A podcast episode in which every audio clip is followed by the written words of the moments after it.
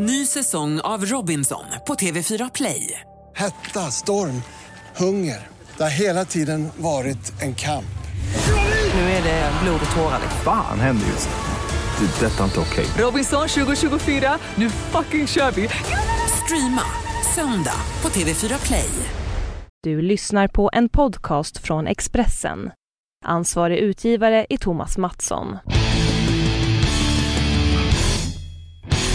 Hej och välkomna till Allt om bilars podcast. Eh, Nu har jag tjatat på er om att jag har bytt format på den här podden och att jag intervjuar en massa människor. Men det här är då undantaget som bekräftar regeln och eh, tillbaks i poddstudion finns David Jakobsson. Välkommen! Tack Jan-Erik. Eh, Det här är på begäran ska vi säga av ett par av våra mest trogna lyssnare. Ska vi säga Agne och Lasse från Volvo. Jag är ju djupt rörd måste jag säga. Det. som, eh, som tjatade ner mig en kväll i Danmark när vi var på samma plats. De, Agne och Lasse sysslar ju med att ta hand om Volvos eh, testbilar ute på olika event och evenemang. Och de hade då en S90 och en V90 att ta hand om under kvällarna där. Eh, På dagarna så körde ju flera från Årets Biljörn de här bilarna. Och de var väldigt måna om att eh, David skulle komma tillbaks och att vi skulle komma tillbaks till vår podd, vårt poddsnack om lite bakom kulisserna. Eh, och inte bara göra intervjuer då. Så det är väl kul att du är efterlängtad. Ja men det är roligt. Men samtidigt så är det så här att det är ju rätt spännande intervjuer du levererar ibland. Nu har inte jag hunnit höra men Mattias Ekström nu sist. Mattias Ekström var jättekul att göra och han bjöd på en hel del. Det finns en hel del nyheter i den faktiskt eh, om vad han ska hitta på framöver. Och vi pratar mycket om sociala medier där han är väldigt duktig. Eh, och han förklarar lite om hur han tänker där. Och även där finns det en annan nyhet inbakad Mm. om man lyssnar ordentligt. Mm, jag måste lyssna sen. Men du, eh, du och jag har inte ens berört ämnet när vi har pratat med varandra. Eh, om hans VM-titel. Nej, det var ju väldigt stort att han vann och det är ju den första, var det 32 år nu då sen Ja. Stig Blomqvist eh, vann. Ja. Också en Audi. Ja. Eh, så att det var ju kul för, för Mattias framförallt. Och han var ju väldigt rörd. Det har ju snackats mycket om hans eh, intervju som gjordes efter målgången där när han försökte hålla tårarna tillbaka och Ja, tackade jag, så, alla jag, hela jag världen. såg den där. Ja. Och den var ju väldigt bra. Jag tror att den, den ehm, märktes och berörde även de som inte riktigt följer rallycross så där till vardags. Kul, jag ska lyssna på, på den där podden. N- när vi är klara med det här. När vi är klara med det här precis. Ehm, ja, Men du, du berörde det där med, med eh, Tannis ja. eh, i kanske- Danmark. det jag var ju inte med i år. Nej, David ska vi säga har pysslat med lite andra saker just nu än, Ja, än att testa bilar kan man säga. Men du har varit med i två år va? två år ja. Precis. Och eh, för de som inte vet vad det här Tannis är så är, ju det till att börja med en, en, ett litet badhotell kan man kalla det för. Ja. Eh, Som heter Tannishus som ligger strax söder om Skagen ut med kusten där. Mm. Och eh, där hyr då eh, den nordiska gruppen i Årets Biljuryn. Vi är sex, sex eh, personer. En Norge, Danmark, Finland, Sverige. Hyr in sig där och plockar dit så många kandidater till Årets Bil 2017 då, som det är i år. Som man bara kan få tag på. Mm. Och det brukar ju röra sig om ett eh, drygt 30-tal olika bilar och sen är varje bil har ju flera versioner. Mm. Så det var i år 59 olika bilar som Mm. man kunde köra. Och det här görs då ja, en gång varje år och alltid runt eh, den veckan där 40 någon gång i oktober. 41, 40, vecka 40-41. När jag har varit med har det varit ganska hektiska veckor. Jag kommer ihåg att vi gjorde ja, åtminstone ett nybilstest om dagen.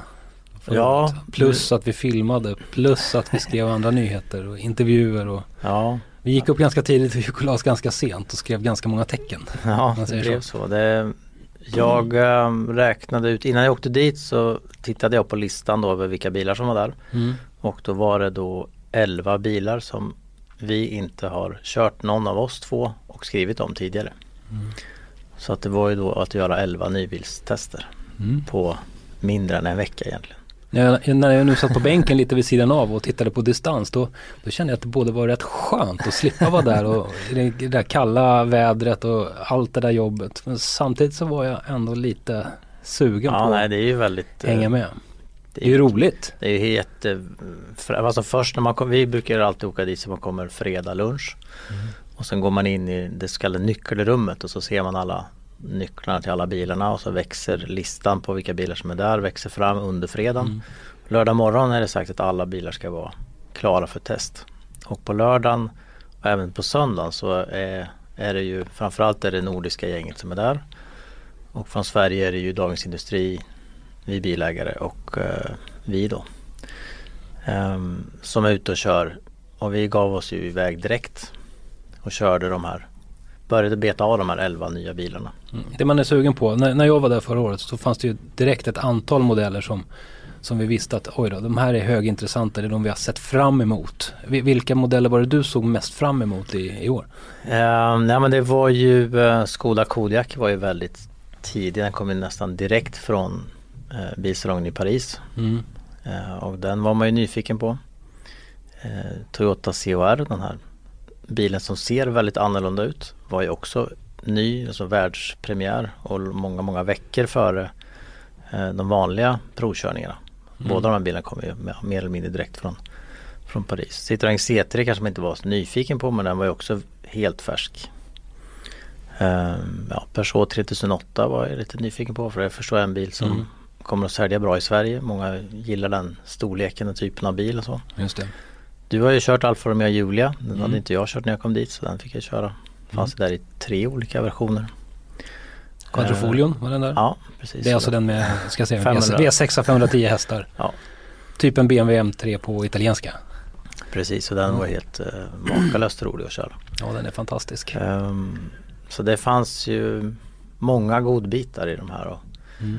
och nu kanske inte, ja det fanns ju E-klass kombi som hade precis hunnit köra i Sverige dagarna innan vi åkte iväg. Som vi gjorde ju en duell då med V90 såklart. Ehm, så det var ju många färska bilar där faktiskt. Mm. Spännande. Ehm, nej men det, går, det är där man pysslar med fredag, eftermiddag, lördag, söndag så är det bara köra, köra, köra och skriva på kvällarna. Mm. Ehm, måndag var det i dåligt väder så var det mestadels skriva och sen ut och köra lite igen och filma lite och så. Mm. Tisdag så har vi den här eh, dagen på flygfältet när vi undanmanöverprovet. Mm. Ehm, och det var, vi var li- om vi, bakom kulisserna så var det lite drama där för vi misstänkte att kanske är, banan som vi har märkt ut på flygfältet borta. Eh, alltså man, man, vi har målat prickar där de Mm. ska sitta så man bara sätter upp samma bana igen. Vi misstänkte att oj, då kanske de har slitits ut och så. För att det var, det var så, förra året var det på gränsen. Mm. Ehm, Så då började jag googla fram ritningar på banor som vi skulle sätta upp. Och det finns ju då en, en ehm, standardbana faktiskt.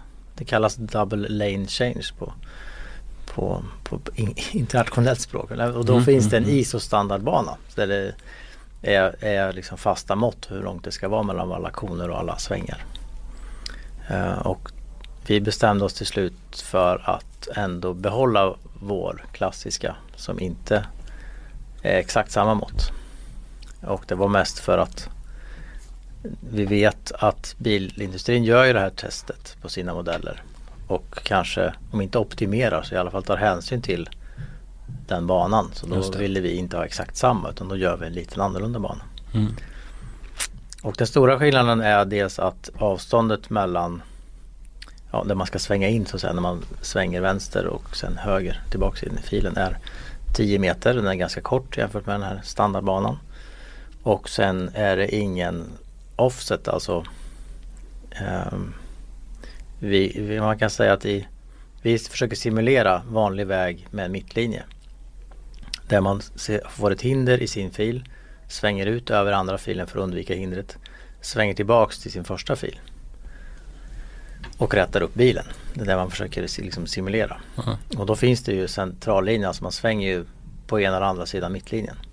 Medan den här standardbanan har en förskjutning så du ska liksom en eller en och en halv meter ytterligare åt vänster och ytterligare då tillbaks till höger. Okej, jag förstår. Ja. Mm. Men eh, så gjorde vi.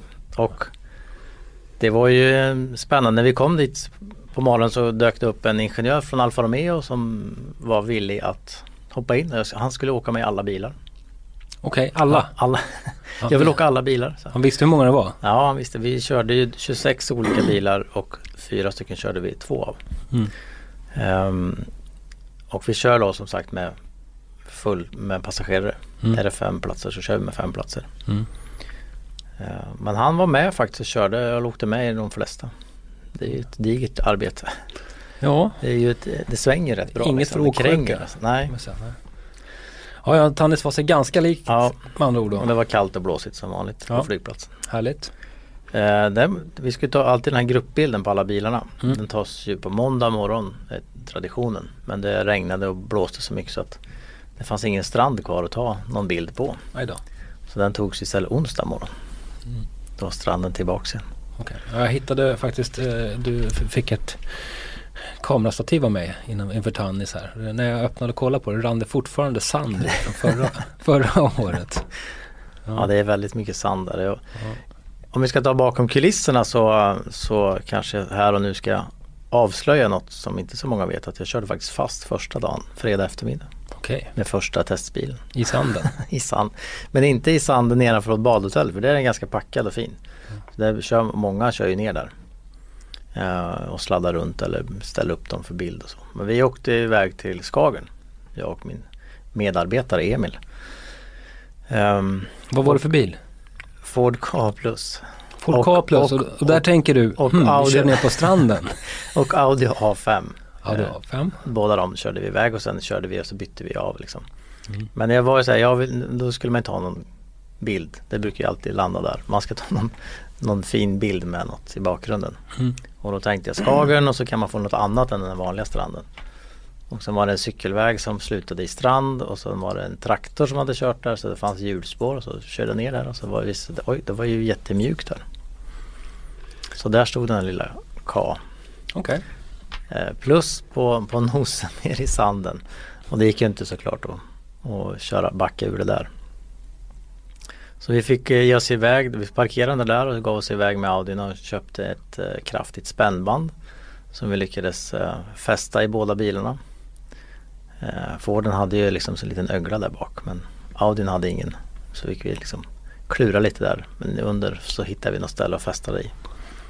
Och sen lyckades vi med hjälp av en, en tysk man som kom där på cykel som trodde att vi var från Tyskland. Jag trodde Audin var ju tyskregistrerad.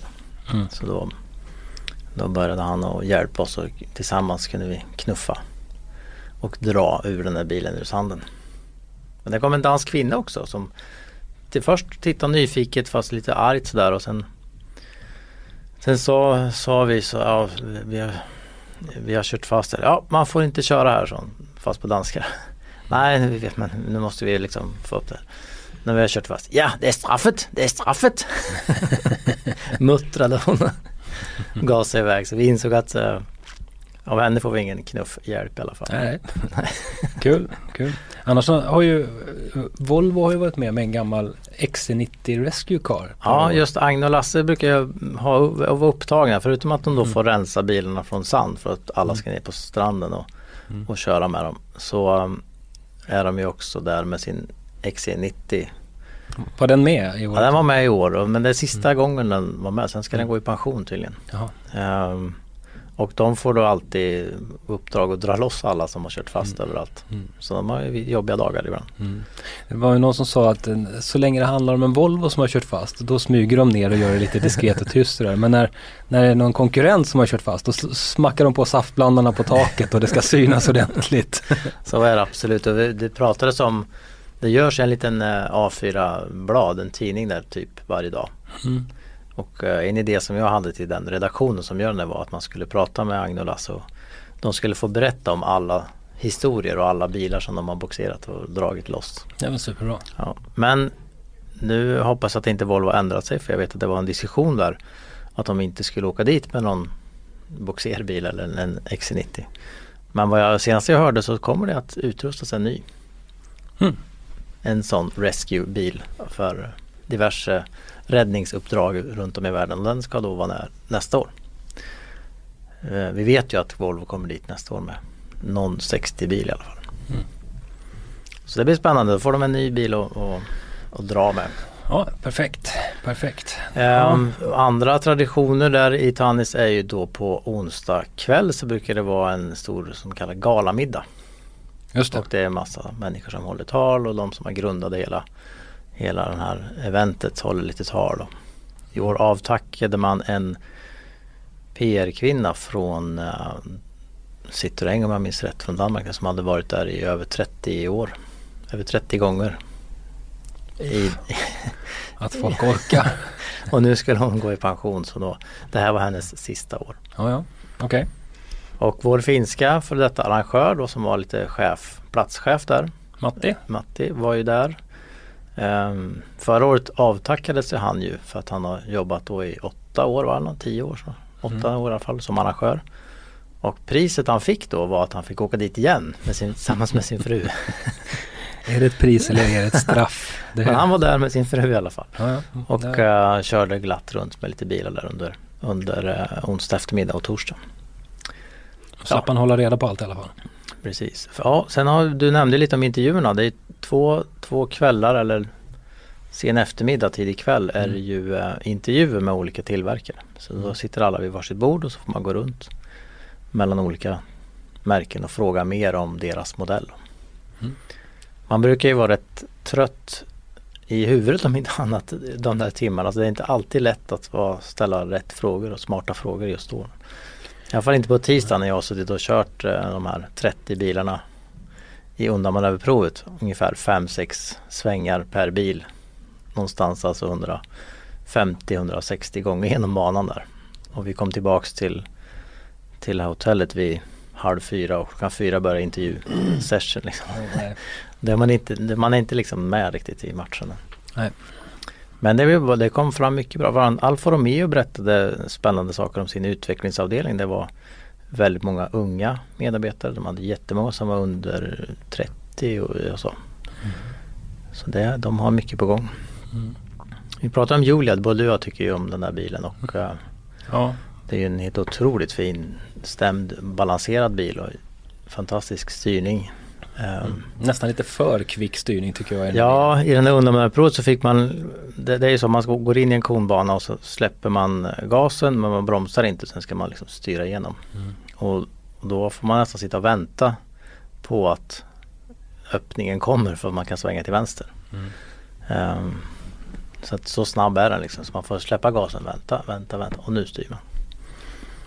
Ehm, men de, de sa att det var inga hemligheter, det var mest eh, trimning av befintlig teknik. Det fanns ingen sån där Ja, vi har ändrat det här eller vi har satt en specialgrej där. Utan som alla andra gör fast mycket bättre. Nej, det är en superfin bil. Ja, Det är bara där vi måste vänta och se hur det är med kvaliteten. Det har de haft lite att brottas med tidigare. ja och den var väl lite försenad i produktionsstart och så. Ja. Ja, det ska bli spännande att se. Jag hoppas de håller ihop som normala bilar. Ja. De var ju, den här killen som åkte med då var som från Alfa Romeo var ju väldigt nyfiken på Jaguar F-Pace som var en av bilarna också. Just det. Den får de ju direkt när det var dens tur att, att, att vi skulle köra med så kastade de sig ner på marken och låg under bilen och tittade här och där hur de hade gjort. Och det är ju känt att Alfa Romeo kom ju med en SUV som är blir en direkt konkurrent med F-Pace och Mm. Ford Edge kanske. Den typen liksom.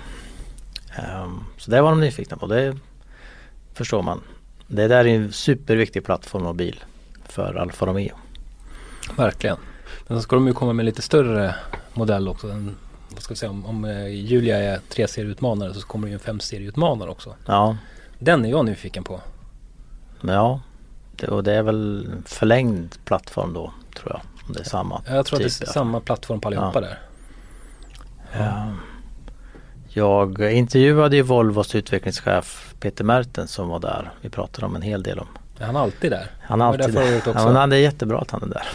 Ja, Han är ju en citatmaskin. Ja, men han, säger alltid duktig. saker. Han är bra på alla sätt och väldigt eh, vanlig liksom så. Mm. Eh, springer gärna runt och pratar med alla. Och eh, vi hade en intervju där vi pratade om självkörande och, och deras eh, Uber-samarbete och lite annat. Men när vi slog ihop bl- blocket där så frågade jag lite om vilka hans favoritbilar var. Men han tyckte väl också att Alfa Romeo verkade intressant. Ehm, såklart, som, om inte annat så för om hur det ska gå för, för märket. Mm. Ja, Ja. det är spännande. Du, eh, jag står ju lite utanför banan här på, i, i bilvärlden just nu. vad, vad, vad händer mer? Vad är mer intressant? Jag såg ju att igår kväll så visades ju den här nya Merca pickupen upp. Ja, det var ju en väldigt ehm, Det var ju väldigt, det är ju speciellt faktiskt. Det har ju varit några världspremiärer av bilar i eh, Stockholm och i Sverige. Ja. Eh, Volvo var inte så konstigt, de visade XC90 ute på Artipelag. Då var vi där båda två och Mm. på samma plats nu så visades eh, Mercedes omtalade pickup. Mm. Ehm, den såg ju häftig ut. Jättetuff. Den där pickupen har vi ju sett massa sådana här små, små skisser fram och tillbaka under ett par års tid tror jag. Eh, och den var, blev ganska lik de där skisserna. Ja, ja, det viskades ju mycket om att ska de verkligen göra en och kommer den och hur kommer den att se ut och så. Mm. Men det blir av i alla fall och eh, högsta chefen Setcher var ju på plats i Stockholm Just det. och körde enligt vår reporter på plats så körde han in bilen eller körde upp bilen på scenen där. Mm. Höll ett tal men var sen inte tillgänglig för direkt intervjuer och kommentarer och så. Men, Nej, nej, det var ju tråkigt. Vad, vad var han säger? Ja, men, använd den till jobb på dagen och kör till fest på kvällen. ja, De kallar det för den första premium-pickupen. Ja det har de väl faktiskt rätt i va. Om man, ja det beror på hur man tänker de amerikanska liksom. De har väl några. Ja, Dodge Dodge, Ram. Och de där. Ja. De kan man väl. Men, det, men det här kanske, kanske är en, eh, någon slags trend som är i antågande. Om vi tittar på till exempel Volkswagens Amarok. Så har ju de nu när de uppdaterar den här bilen velat göra den mera premium. Alltså en Mm. annan lyxigare inredning. Och de har gått till en Tvärtom mot vad bilvärlden är i stort så har de valt att göra en större motor till bilen. De har Mm. gått från en eh, fyrcylindrig diesel till en sexcylindrig diesel till exempel. För det är väldigt viktigt i pickupvärlden just. Ja, men det ska vara lite mer, motorn är väldigt eh, en av de viktiga benen också när man pratar premium. Att Mm. man har en, liksom, en ordentlig maskin under motorhuven. Eh, Så vi kanske inte får se en Audi Pickis då. det tror jag, jag tror, jag vet inte, jag tror inte det. Kanske folkvagnsområde. Mercedes har ju, har ju sin eh, transportbilssektion och de har sin Mm. lastbilssektion och de har sin personbilssektion. Så att hitta någonting som är nästan mittemellan där som den här bilen är, det känns ju naturligt på något sätt. Mm. Ja verkligen. Måste men man det, säga. den här ska ju då bli, vad jag förstått, en Renault också. Ja men den, den, och- den bygger ju för det första i grunden på en Nissan, är det inte så? Ja. Men om man då har en Mercedes och en Nissan och en Renault typ på samma plattform. Då har man ju Mm. tre olika kategorier. Mm. Om Renault om man tänker att den blir lite billigare. Nissan blir lite mellanklass. Mm. Och Mercedesen blir premium. Mm. Så kan- det blir intressant att jämföra. då. Sen kan man ju räkna med att Mercedes hittar ju på lite grejer med sin, med, med, med sin version då. Mm. Det, det kommer ju inte att kännas som samma bil riktigt. Nej. Ja det får vi se när det är dags för. Och Nu det är väl provkörning nästa år va? Eller? nu är det ju bara en konceptbil som, som de visar upp. Ja. X-Class eh, Concept va? Var det inte så de kallar det? Det kanske är visning först i Genève då. då. Ja, jag, Eller Detroit. jag tycker att den är skittuff. Jag vill ha en sån där redan nu. jag gillar ju pickuper som du vet. Ja verkligen. Det är, det är något speciellt med pickuper. Mm. Ja, ja men det var kul och ehm, kul att de valde Sverige. Vi har haft någon mini eh, visning också här. Var det för, förra sommaren va? De hade en stor eh, provkörning var ju det av en Ja. minimodell i Stockholm. Provkörning har jag varit på flera internationella provkörningar i Stockholm. Jag, Subaru bland annat har Ja, var det en internationell då? Eller var det Subaru Nordic som hade den? Nej, det var en internationell körning av, eh, eh, vilken var det nu då? Oj, Det var vilken bil var det? Impresa? Impresa, just det. Mm. Så var det. Värstingversionen där. Det var internationellt. Mm. Ja, Ja men det är kul att de använder Artipelag om inte annat. men du, eh, eh, borde Volvo bygga en pickup? Absolut. Jag pratat, tycker länge att de borde ha byggt, bygga en eh, transportbil. ja, men vi har pratat länge, eller jag har i alla fall pratat länge om att jag tyckte att de borde bygga en familjebuss. Ja. Så typ en Voyager. Eh, men det har de sagt, det vill de inte. Utan det är, där har de sin 7-sitsig XC90 istället. Det är den som är deras familjebuss liksom. Mm, mm. Eh, men en pickup då? Med den Ja här men det har väl funnits skisser på det här. Man har sett någon som har ritat någon 90-serie. Ja, men det Alltså någon, XC90 Pickis. det väl någon hemma Ja. pul, pulare som är duktig illustrator som har Ja. fixat det. Men Det skulle ju kunna bli hur snyggt som helst. En premium pickup med den här nya Volvo-fronten med Torshamrarna i, Mm. i Ja, strålkastarna. men om, de, ja, om Mercedes visar nu att det, att det säljer så Mm. kan det ju inte vara jättesvårt att göra. Ja. Och Volvo måste ju kunna hitta någon samarbetspartner också som de kan bygga på en befintlig Mm. pickup. Kanske får bli Mitsubishi då eller jag vet inte. Mitsubishi är ju nu ehm, Det är ju nu Renault. Renault ja. Får de slå ihop sina pickisar L200? Men vad, ja, vad, vad är det som har hänt där egentligen? Alltså eh, Nissan har köpt, Nissan har köpt eh, stora delar av Mitsubishi. var det 33 procent eller sånt jättemycket? Men det är väl den här gamla diesel eller utsläppsskandalen som bottnar. Det, bo- det började ju där någon gång. Sen Mm. vet man ju inte exakt, det kanske började för fem år sedan. Men, men det, det var ju så att Mitsubishi åkte di, dit för att ha fuskat lite med utsläppsvärden och sen vi- visade att de hade väl sålt motorer till eh, Nissan, Renault Nissan som såldes någonstans och då, då började det bli fråga om skadestånd hit och dit. Och då tror jag nog Carlos Ghosn där, chefen, såg sin chans att, Mm. att plocka in ytterligare ett märke. Han vill ju växa. Fanns det inte något det slags rykte om att det, var, att det var från Nissan-håll som det hela uppdagades också? Att det tipsades om Det kanske var det som fick förhandlingarna att, att liksom gå i lås. Om man då ska vara oerhört konspiratorisk så skulle man ju kunna liksom tänka sig att någon sprider ut det där och sen så sjunker aktierna Ja, i värde precis. och sen så kan man slå till. Nej, det- jag tror att Mitsubishi var nog väldigt illa ute i den. Om de hade behövt betala sig ur den härvan.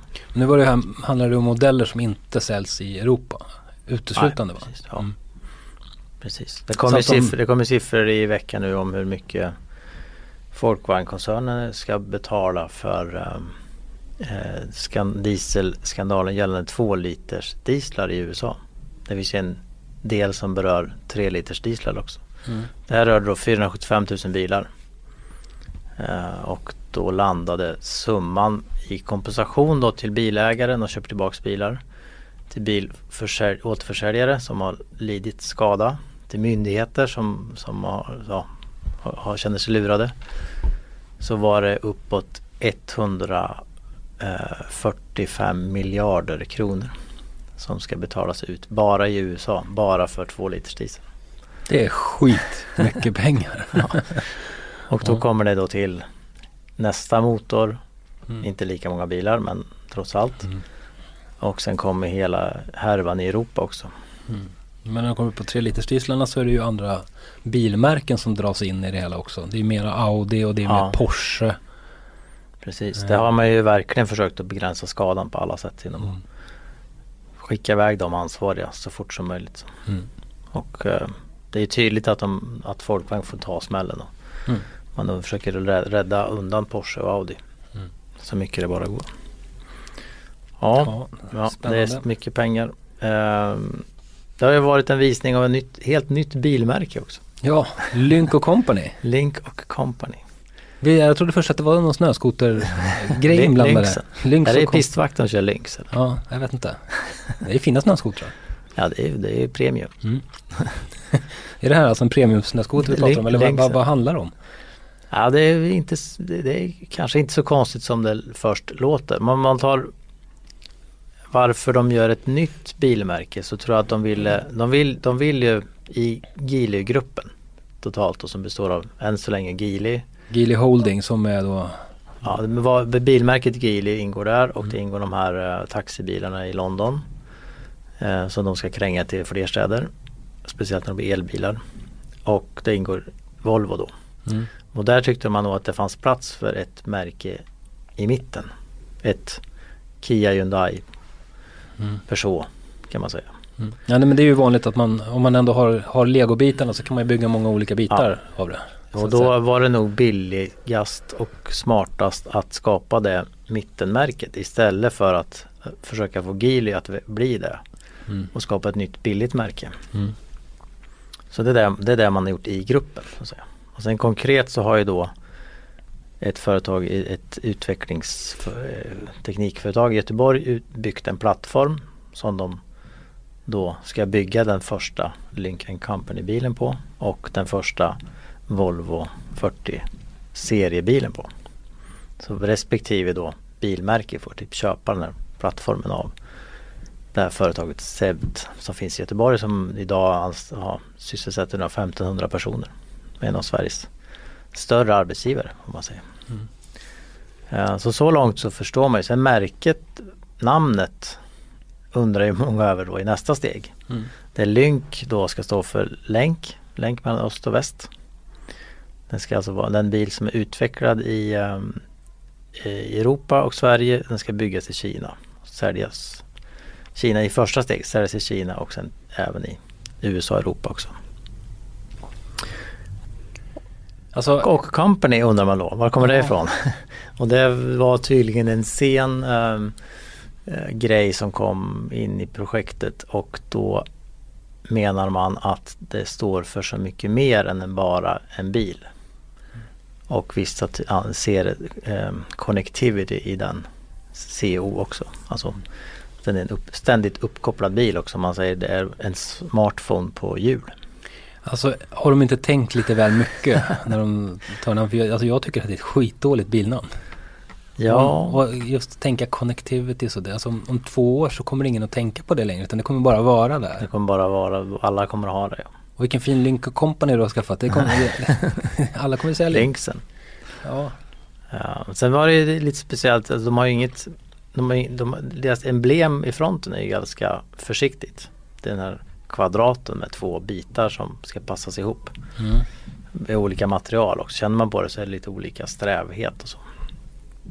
Och det ska också vara den här länken mellan öst och väst. Och sen i, bak på bilen så står det Lincoln Company. Och sen det här, den här bilen heter ju 01. Så att man, tänk, man tänker sig inte att göra det är inget modellnamn liksom. Den, kom, den här siffran kommer byggas på då. Som alla visser fin- finurligt sa att jag kan avslöja en sak om nästa bil vi ska göra. Den ska heta 02. Mm. Ja.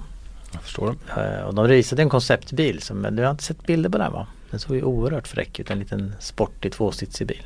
Jag har inte jag sett. Ja, men jag har sett bilder på den här första bilen, Ja. 01 som då är en 01. SUV. Mm. Eller en crossover eller vad ska vi kalla den för? Nej men en liten SUV. Här är det väl. Är du tyckte att den såg ganska bra ut? Ja men den. den ser ut som en, eh, fronten är ju lite Porsche Macan-aktigt. Eh, kanske lite grövre nu än, än Porschen är. Jag har ju bara sett bilder men som, som jag sa till dig när vi pratade om det så, så tycker jag att den ser ganska anskrämlig ut. Den ser ut som att man har plockat lite olika bitar Lite från lite olika där, befintliga ja. modeller och så byggt ihop den på någon slags eh, till något, skapa någon slags monster där. Alltså, Porsche Macan håller jag med om men om man tittar på detaljer så ser man att det är Det är väldigt utstuderad design, tydlig design. Den är ju den är gjord för det de säger megacities. Alltså den ska märkas i storstäderna. ja, Och de, de, de kör med kontrast svart och vitt. Väldigt mycket svart, liksom hela visningen och gick väldigt mycket mörka svarta toner liksom. Och de har, de, de har tittat på en storstad hur den ser ut med sina lampor och sin, sitt mörker också liksom. Och hur, hur bilen ska se ut på gatan där i en storstad med olika lampor, hur de ja, visar upp linjerna liksom. Så den är inte de, de ser den ju i, en, i Shanghai eller i New York liksom, på de gatorna. Man ser den inte i norra Sverige. Köra i fjällen om man säger. nej, Ehm, men jag tror att det är flera som är inne på det här spåret. Vi pratar om Toyota CHR som är också väldigt extrem tydlig design och som också, också där förklarar man designen med att den ska, vara, med, den ska stå ut i en stadsmiljö.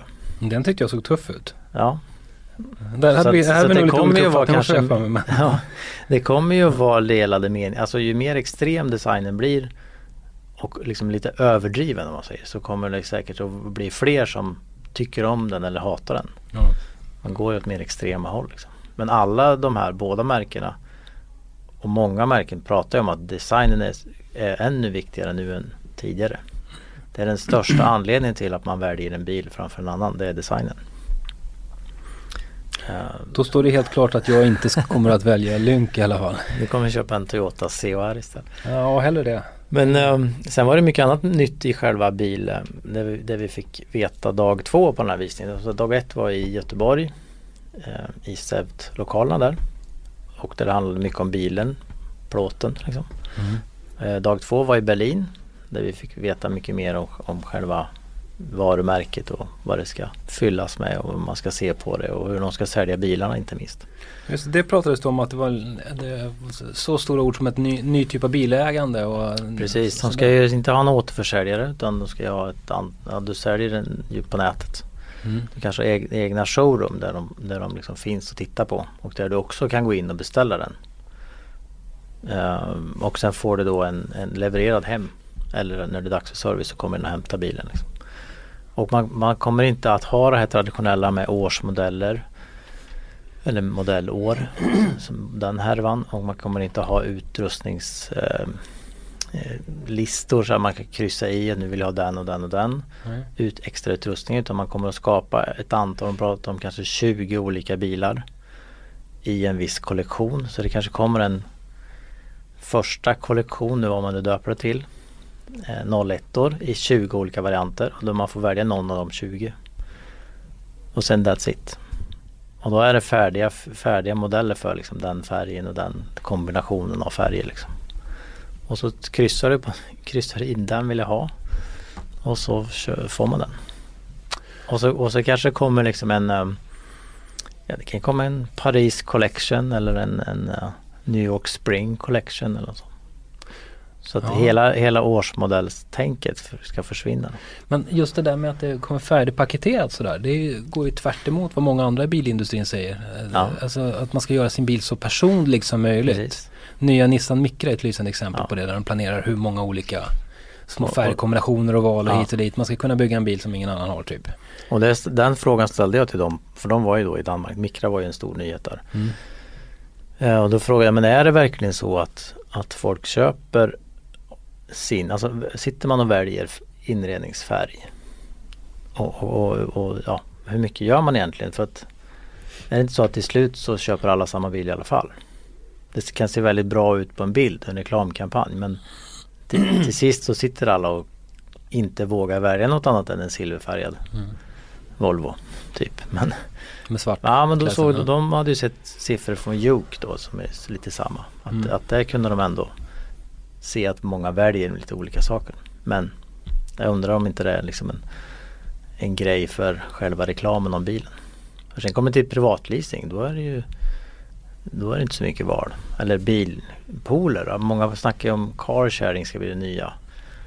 Um, där man, Opel till exempel pratar om det mycket att de ska bygga upp liksom, och har egna egna pooler där man kan, där kan, man kan gå med då så att säga. Och då är det ju inte fråga om någon personifiering. Sitter ju alla och kör samma bil. Mm. Nej men det är ju så i bilvärlden som i alla andra världar att man har olika ja, det uppfattningar olika, ja, och man, har, man tror att olika saker kommer funka. Eller så, så är det så att det funkar för olika varumärken. Ja, att det kanske funkar säkert. utmärkt på en Micra men en Lynk ja. går att sälja i en Spring Collection. Ja.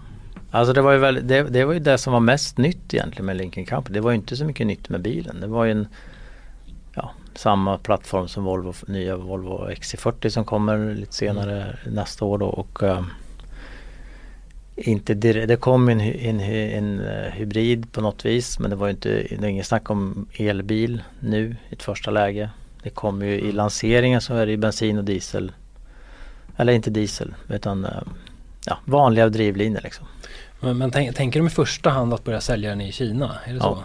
så? Ja. Kina nästa år och Europa eh, första året efter. Och det där, var, det där förklarar man också lite mellan raderna att det handlade om att säkra eh, kvaliteten. Man tänker inte komma till Europa med någon bil som har barnsjukdomar utan de ska säkra produktionen och kvaliteten. Och börja sälja i, i Kina och lära alltså, och låter de inte göra någon skräp, ja, inte göra någon skräpbilar dit heller om de lyckas såklart. Men de, de, de vill liksom vara säkra på vad de gör innan de kommer till Europa. Liksom. För de vet ju också att det är många som inte har lyckats i Europa utav de här utav de här kinesiska bilmärkena. Och, och Toyota jobbade ju väldigt, väldigt många år. Kia Hyundai gjorde det ju snabbt men tog ändå kanske tio år innan de på allvar är inne i Europa. Liksom. Mm. Nu, men nu har de kanske banat lite väg också. Eh, så att det... Jo, de, men de, de sa att vi måste förstå. Ursäkta. De, de, sa att vi måste förstå att det tar tid. Vi kan inte bara smälla på liksom och göra allt på ett år. Mm. Och då kan man säga den här bilen som vi tyckte nu för en vecka sedan inte var jättespeciell. Ja den var okej, den var uppkopplad. De tänker sig att man kan personifiera bildskärmen. Du ska kunna ladda upp din egen bakgrundsbild.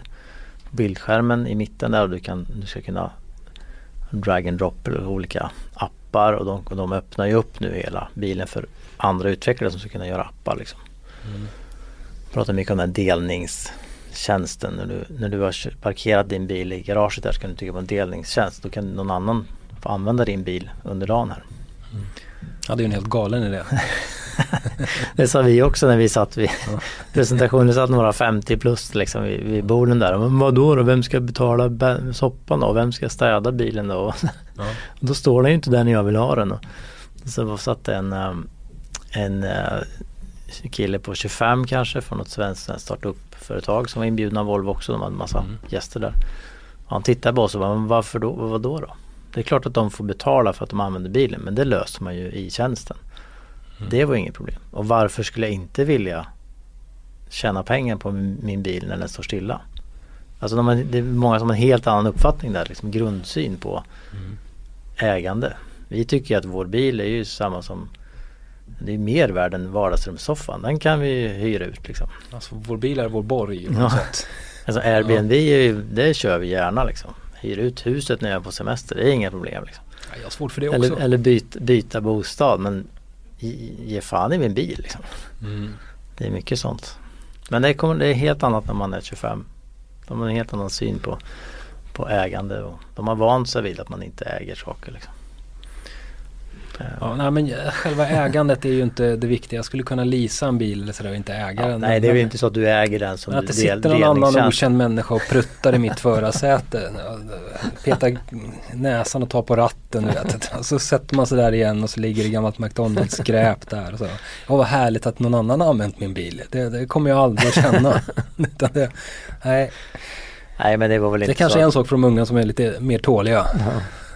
Det var väl inte så att man kanske delar ut sin egen bil men man kan ju skapa en delningstjänst då om man mm. är, om man är liksom Brom, Brommas bil har en egen bilpool och då löser de det genom att du trycker en del, dela-knapp när du har kört klart med bilpoolens bil. Liksom. Mm. Um, det är sådana lösningar tror jag man ser.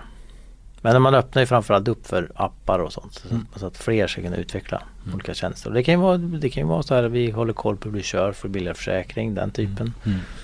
Som byggs in där från början. Mm. Men sen finns det ju en, en, en väldig poäng med att man delar på bilar. Jag ska inte stå här och vara så gubbig men eh, Alltså bilarna står ju så länge och tar massa ja, ja, plats. Och i, i, städer som blir trängre och trängre och så ska det stå en massa bilar parkerade överallt. Det är ju egentligen vansinne. Ja. Det är klart, ska det finnas bilar så ska de ju användas. Det pratar vi mycket om i podden med Uber-chefen i Sverige. Pratar mycket om att deras målsättning är ju eh, fler i, i, fler i varje bil. Så mm. att det blir, då blir det ju färre mm. bilar. Och det här är ju, det är inte liksom det är inte kanske ens för Stockholm men i andra ännu större städer. Mm. är ju det här ett akut problem. Det räcker ju, vi, vi var ju några dagar i Paris här i samband med bilsalongen och då går runt där, vi pratade om det tidigare men det är ju galet hur mycket bilar. Det går ju knappt att andas på vissa ställen och vissa gator. Nej, och så går vi mot en värld där vi, vad är det de säger, 2050 kommer 75% av världens befolkning, alla, alla människor i världen bo i megacities. Ja. Då måste ju något hända, det fattar man ju. Ja, alltså vi, vi, får väl se då men det är spännande att följa Lincoln Company och inte minst för antal jobb i, i Göteborg som är, de ska anställa fler nu på SEVT för att säkra produktionen av den här bilen. Du eh, Jan-Erik, vi har pratat rätt mycket sådär framtid och kommande och konceptbilar och saker nu men, men just nu, du har ju något roligt i ditt testgarage. Ja, nu har jag en Ford Focus RS den där bilen har ju blivit lite som en följetong för oss. Vi skulle ju köra den där någon gång och filma.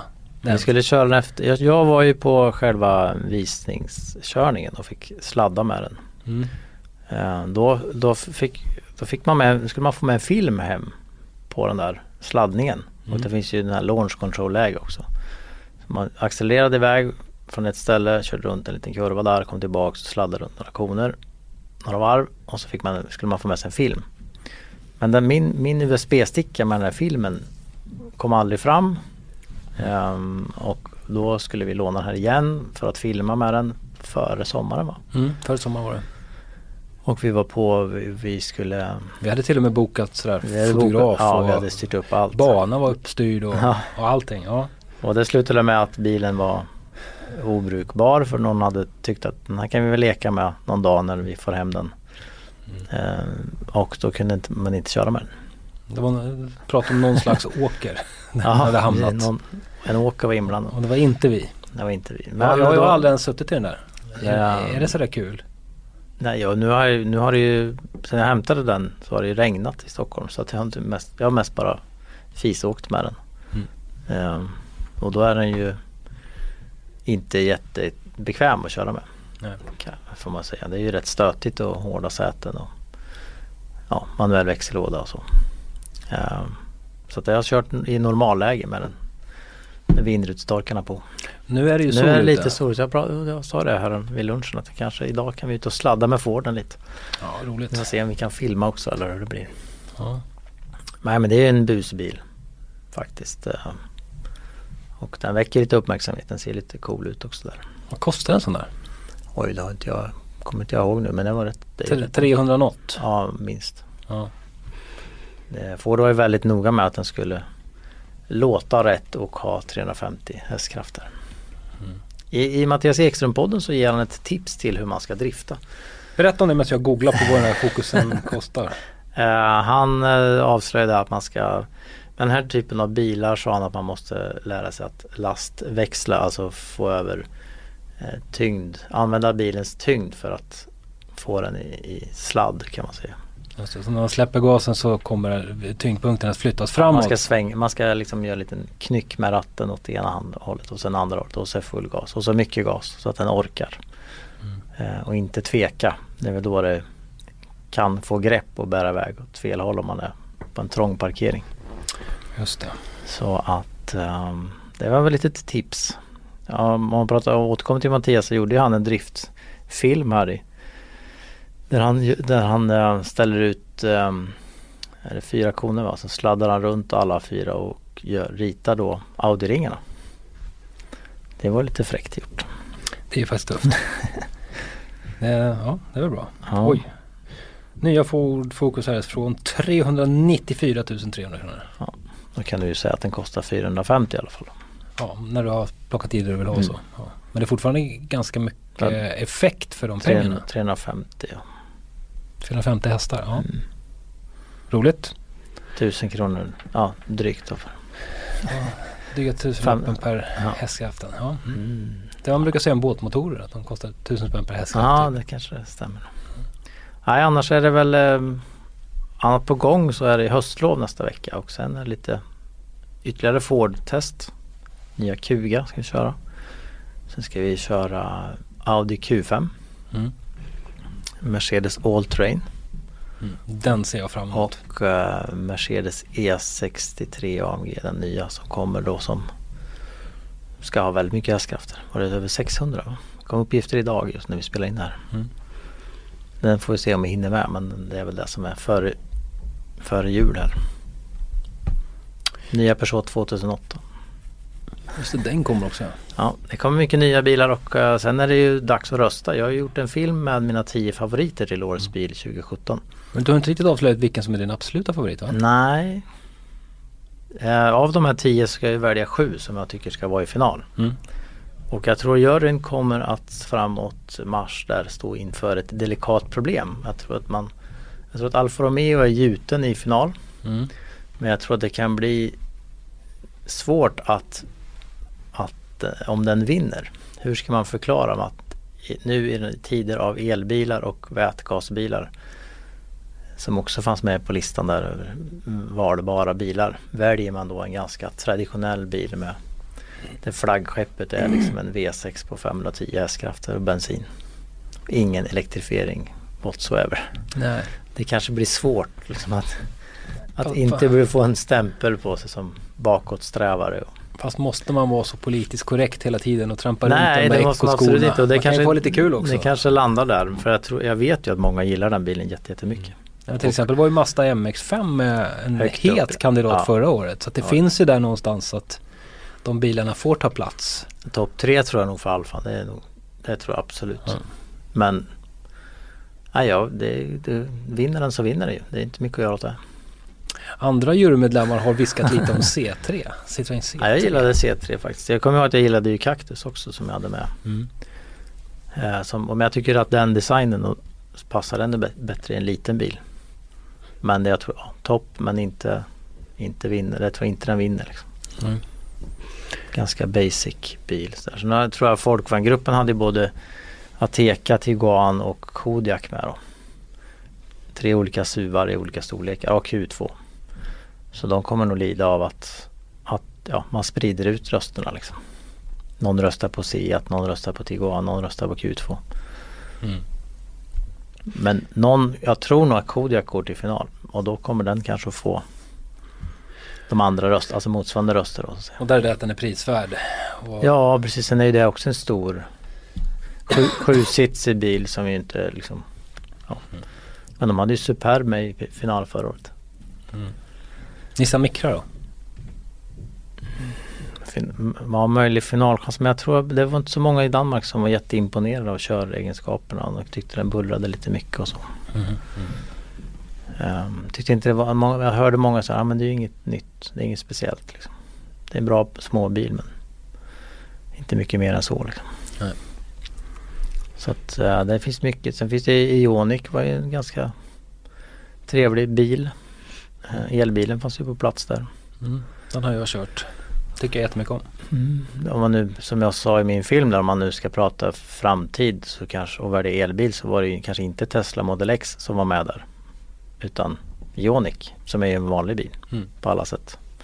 Som, Men- fa- som folk faktiskt nästan har råd att köpa. Ja. Tesla Model X är ju väldigt speciell och stor och alltså den, är, den har ju så mycket som folk fascineras av men, men den är ju så o, liksom för dyr och för ovanlig, för stor och klumpig. Och så. så att Ioniq tror jag nog kan gå till final. Kia Niro är ett spännande eh, typ av bil liksom som är en helt egen egen bil kan man säga. Vark, varken eller. Eller allt på en gång. Mm. Eh, Men jag tror att av Kia och Hyundai tror jag en av dem går till final. Känns inte som att båda går till final. Ja, det Volvo, i både V90 och E-klass fick ju jättemycket beröm. Många älskade ju Volvon faktiskt. Är det ingen som bryr sig om att det, i- att det är i princip samma teknik som var där förra året i Nej, XC90? nej, nej. Det, och det tycker jag nog att man inte ska göra för det gör vi ju inte med andra. Vi har inte gjort, gjorde inte med Passat och, och ja, Passat Tiguan eller Passat Golf. Eller, jag menar, det, är det är ju inte så stor skillnad på dem liksom, på det sättet. Det kanske bara vi som är Ja, skrivit blir så mycket om bilarna. Som, Ja precis, det blir lite orättvist och plötsligt ska man straffa Volvo för det som, som inte de andra straffas för. Liksom. Mm. Så att, nej det tror jag inte. Och de hade ju väldigt fin, fin bil där nere också, ljus och fin klädsel. och Så, som ger ett bra intryck totalt Mm. sett. det, så det där kan nog är, bli en ny final för Volvo faktiskt. det där är väl egentligen årets bilduell egentligen. E-klass mot V90. Ja, Eh, kommer sitta på omslaget på vår nästa, vårt nästa magasin som kommer här i 18 november. Har du avslöjat vilken bil du tycker är bäst? av de två? I den duellen så finns det ju getingbetyg. Mm. Och där, eh, det finns ju på vår hemsida. Jag har ju inte, jag har ju använt de tester som vi har gjort tidigare. Då fick ju Volvon 43 va? och Mercedesen 41 av 50. Mhm. Mm. Men det finns saker som är jätte, den ena är mycket bättre på än den andra. Så att det är liksom lite vad man tycker där. Och sen finns det ju några betyg som design, det är ju vad jag tycker Mm. där och då. Vilken tycker du är snyggast? Ehm, ja men Volvon är, alltså kombin där så tror jag nog Volvon tycker jag nog Volvon är lite snyggare. Men sen älskar man ju förarmiljön i Mercedes. Den är ju jätteskön. Den är magisk. Ja, där, där är de ju oslagbara just nu Ja. tycker jag. Så det är väl det om man ska köpa den. Köpa den för, det, för den saken. Ja, det blir spännande. Ehm, ja, men jag har inte riktigt bestämt vilka sju bilar än. Det får väl mogna fram här. Du, ja. eh, vi lär väl få höra ganska mycket mer om de där sju bilarna framöver och läsa om dem på altonbilar.se förutsätter jag. Ja, i slutet på eh, november så ska finalröstningen ske. Då, Mm. kommer vi, då kan man inte krypa undan längre. Spännande. Och vi får väl hoppas att du har tid att komma tillbaks till podden. Det ska vi lösa. Det ska vi lösa. Så att om inte annat Agne och Lasse blir glada där i Göteborg när de åker runt i sin XC90 och boxerar bilar. Ja, det är jättebra. Bra, Super. tack så mycket. Tack, hej.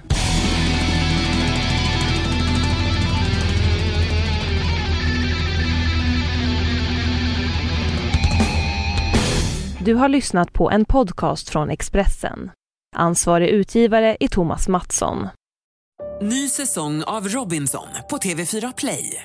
Hetta, storm, hunger. Det har hela tiden varit en kamp. Nu är det blod och tårar. Fan händer just det. Det är detta inte okej. Robinson 2024, nu fucking kör vi! Streama söndag på TV4 Play.